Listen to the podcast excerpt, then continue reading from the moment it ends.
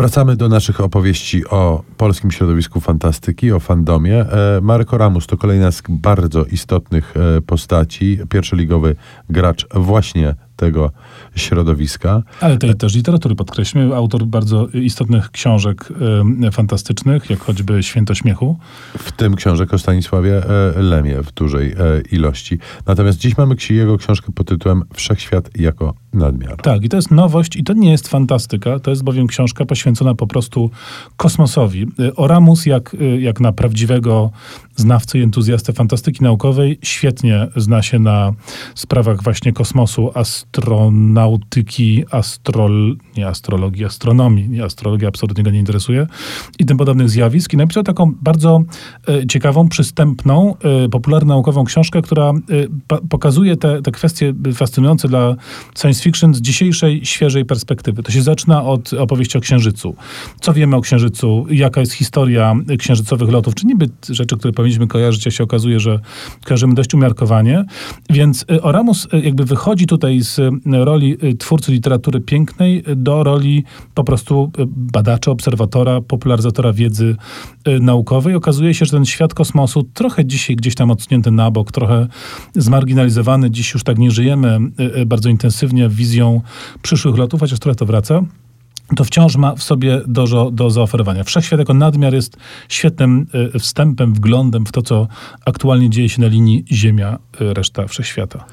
Natomiast Katarzyna Kaczor napisała książkę o e, literaturze fantazy w Polsce, z, z getta do mainstreamu polskie pole literackie fantazy.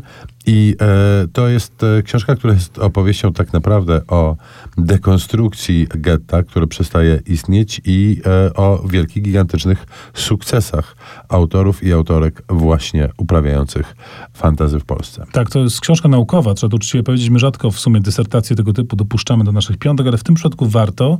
Katarzyna Kaczor to zupełnie inne e, pokolenie, nowe spojrzenie na, na polską literaturę fantastyczną. Oczywiście fantazy e, przez lata 80.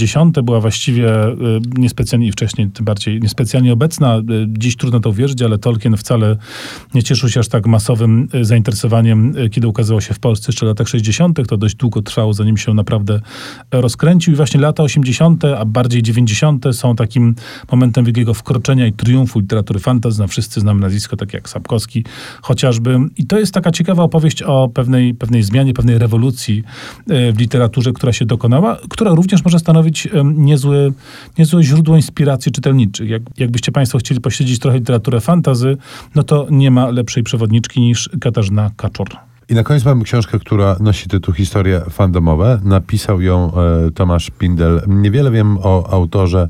Plotka niesie, że to umiarkowanie sympatyczny typek, natomiast piórem włada dzielnie i napisał reportaż.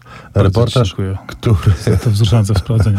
reportaż, który jest e, mm, no właśnie historią e, polskiego fandomu i e, środowiska tworzącego literaturę fantastyczną w tym kraju, ale historią doprowadzoną do chwili obecnej, do dziś.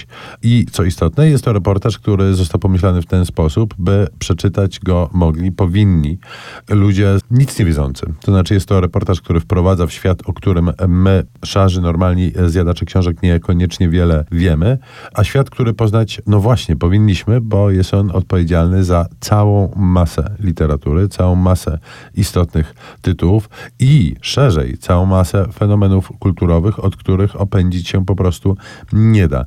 Więc e, nieznajomość e, genezy tego e, wszystkiego jest rzeczywiście ignorancją, na którą szanujący intelektualiści, tacy jak Państwo, nie mogą sobie pozwolić. Więc wyjątkowo namawiam do lektury przede wszystkim tej książki A z pięciu dziś przesadziłeś. rekomendowanych.